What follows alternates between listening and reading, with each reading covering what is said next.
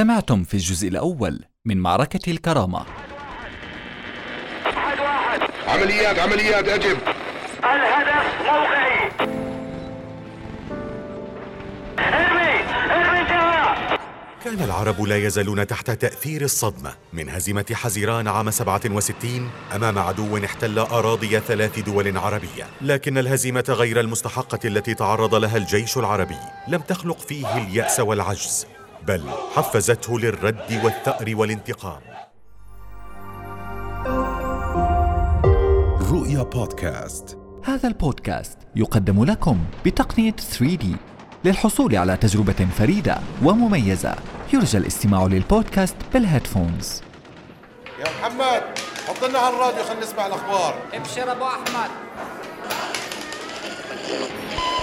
إذاعة المملكة الأردنية الهاشمية من عمان إليكم آخر الأنباء سمعونا يا اخوان سمعونا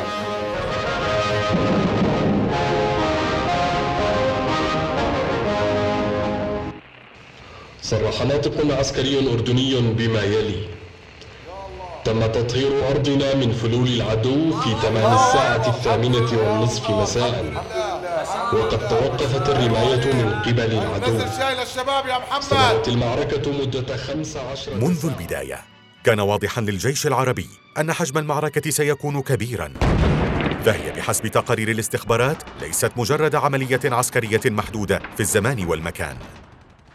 بناء على التحليلات العسكرية تم تمرير المعلومات للملك الحسين القائد الأعلى للقوات المسلحة فكانت تعليماته وأوامره القتال بكل طاقة متوفرة.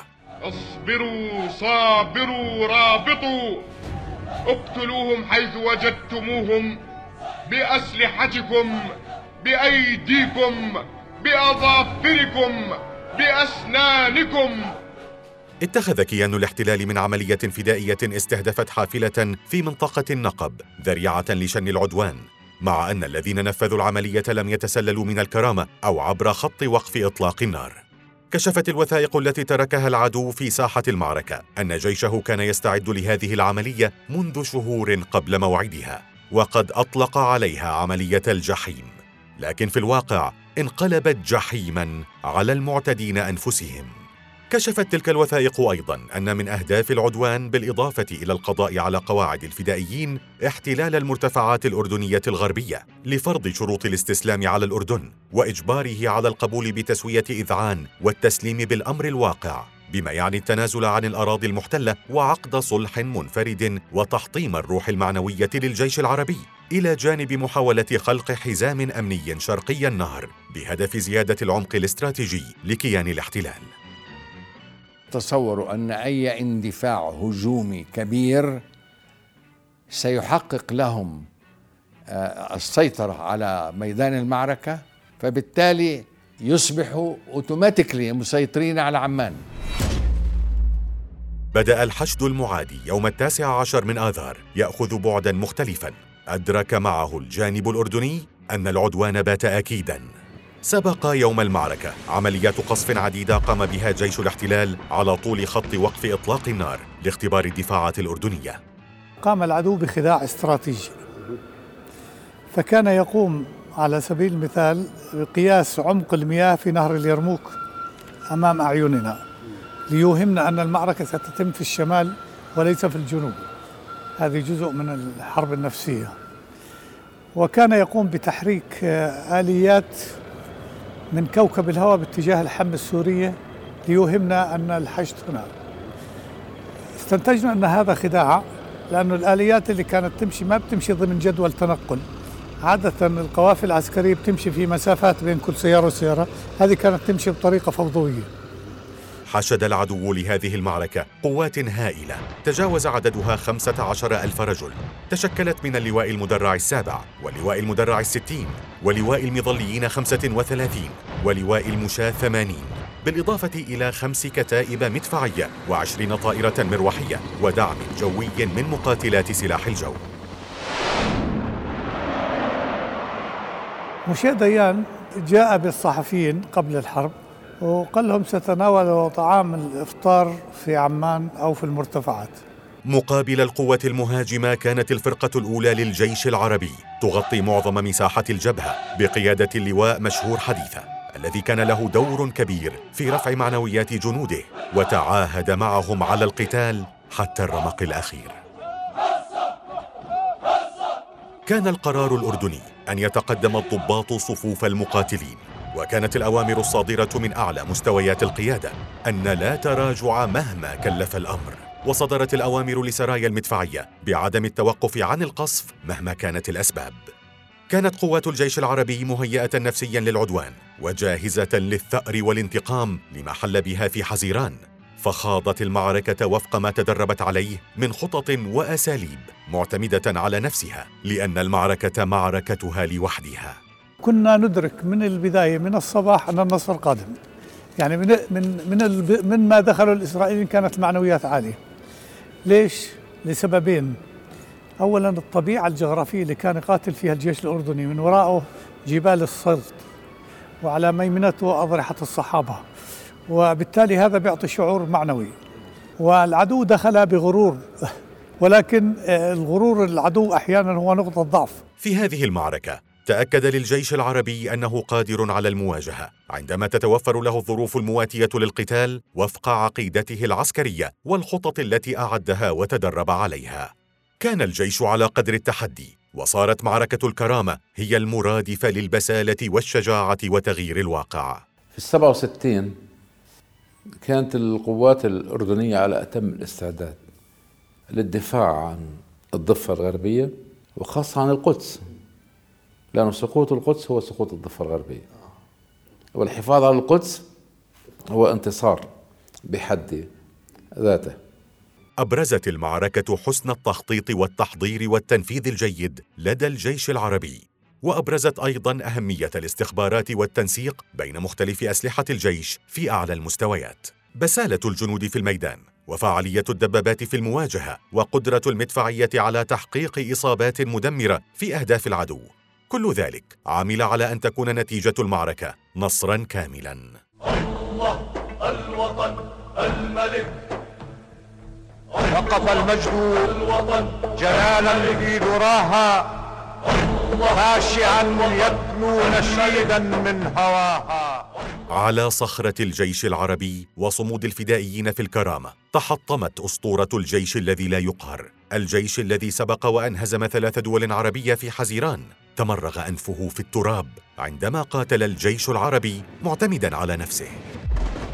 بدأ الهجوم المعادي صبيحة يوم الخميس عند الساعة الخامسة والنصف بقصف مدفعي عبر جسري الأمير محمد في الشمال والملك حسين في الجنوب مستهدفا مواقع الرصد والحجاب.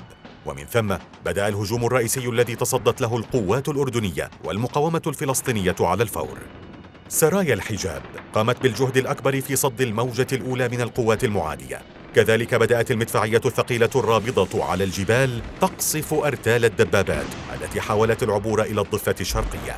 امتدت جبهة القتال منذ لحظتها الأولى على طول 60 كيلومترا من جسر الأمير محمد شمالا إلى غور الصافي جنوبا. وقد أراد العدو من توسيع الجبهة تشتيت الجهد الدفاعي للجيش العربي الذي كان متحصنا بصورة جيدة في عمق المناطق الدفاعية الأمر الذي جعل الاختراق أمرا مستحيلا. وأثبتت الكرامة أن الإرادة والتصميم تتفوق على ميزة أي سلاح مهما كان قويا. المعركة كانت بامتياز معركة دبابات ومعركة مدفعية. قاتلنا في معركة الكرامة دون غطاء جوي. ومع ذلك ما في آلية أو دبابة إسرائيلية دخلت على المحاور إلا وكانت القذيفة تنالها. كان المحور الشمالي عند جسر الأمير محمد باتجاه العارضة ومثلث المصري والمحور الثاني من جسر الملك حسين باتجاه الشونة الجنوبية وبلدة الكرامة ووادي شعيب والمحور الثالث عند جسر الملك عبد الله باتجاه ناعور. وكان هناك محور رابع جنوبي البحر الميت بقصد التمويه وتشتيت انتباه القوات الأردنية.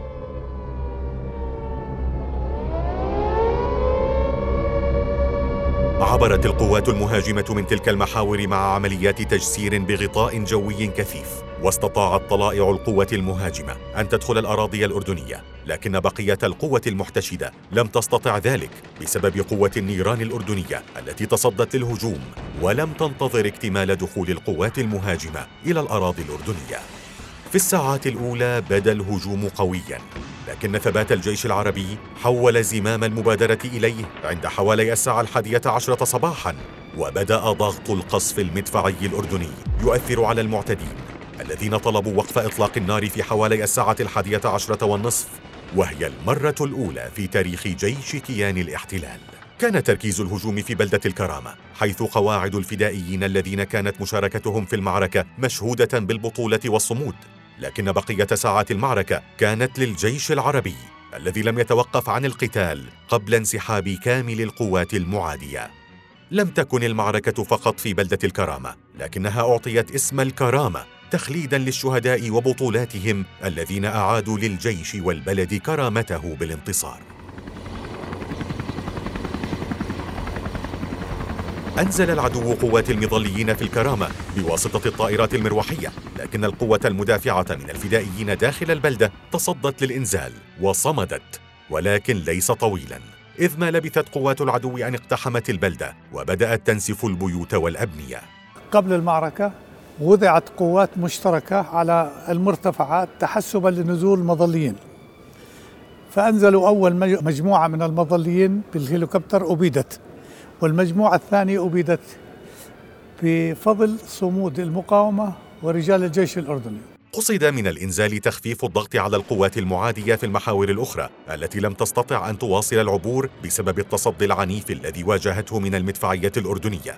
فأخفق العدوان في إقامة جسور إضافية على نهر الأردن كما تم حرمان العدو من الاستفادة من الجسر الوحيد الذي أقامه في بداية الهجوم. استطاع القصف المدفعي الأردني وقف تقدم الدبابات المعادية التي كانت تتجه نحو الكرامة والشونة الجنوبية. وكلما طلبت القوات المدافعة إسنادا من المدفعية كانت تجد الاستجابة السريعة فكان دور المدفعية حاسما في تحقيق النصر. يعني مشي ديان جرح بالمدفعية الأردنية في مستعمرة جيشر. قصفوه وقالوا أصيب آه، لأنه وقعت عليه مغارة وهو يبحث عن الأثر. لكن أصيب بشظية من قصف المدفعية السادسة الأردنية. كثافة النيران الأردنية أجبرت القوات المعادية على تغيير خططها وتعديل حساباتها بشأن ما توقعته وحرمت القوات المهاجمة من إرسال أي تعزيزات إضافية لمساعدتها أو دعم سيطرتها على الأمتار القليلة التي وصلت إليها. كما أن الصمود البطولي والكفاءة في استخدام الميدان عطل التفوق الجوي المعادي. كذلك كان التنسيق بين الجيش والفدائيين مثالا للتلاحم البطولي وبمستوى عال واحترافي. خيب ظن المعتدين الذين اعتقدوا أن الجيش سيقف متفرجا على قوة العدوان تهاجم الفدائيين وتعود سالمة. وحسب تحليلات أجنبية لمعركة الكرامة قال خبير بريطاني إن الجيش والفدائيين قاموا بما يقوم به في العادة الرجال الشجعان الذين تتعرض أرضهم للاحتلال العدواني. تكرر طلب جيش العدوان وقف إطلاق النار. لكن طلبه كان يواجه بالرفض الحاسم برغم كل الضغوط الدولية طالما لم يتم الانسحاب الكامل للقوات المهاجمة من شرقي النهر. رفض الملك حسين هو مغامرة خطيرة بحد ذاتها. هي ذات وجهين. كمغامرة اولا انه رفض الملك حسين لوقف إطلاق النار يعني أنك تعطي الشرعية للعدو أن يطور هجومه وراح يدفع بكل قواته ويجيب كل طائراته ويهجم على الأردن. لأنه أنتم رفضتوا وقف إطلاق النار هذا واحد.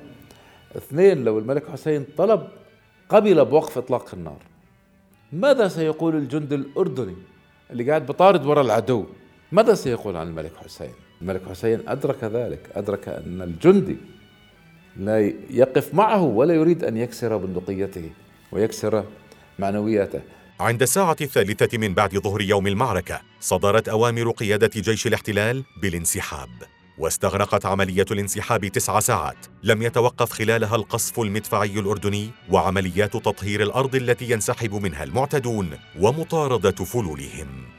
لم يكن جيش العدو يتوقع ذلك الصمود في الكرامة معتمدا على أنه لم يمض وقت طويل على هزيمة حزيران. فكان يعتقد أن القوة المهاجمة ستعبر النهر وتدمر قواعد الفدائيين بينما الجيش العربي لن يتدخل. لكن ما وجدوه لم يسرهم أبدا. طلبوا وقف إطلاق النار مرتين. من عادة اليهود إحنا اللي بنطلب وقف إطلاق النار.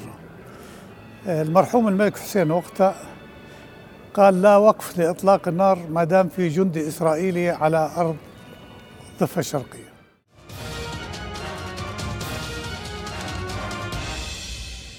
يتبع في الجزء الثالث من وثائقيات سلسلة معركة الكرامة. رؤيا بودكاست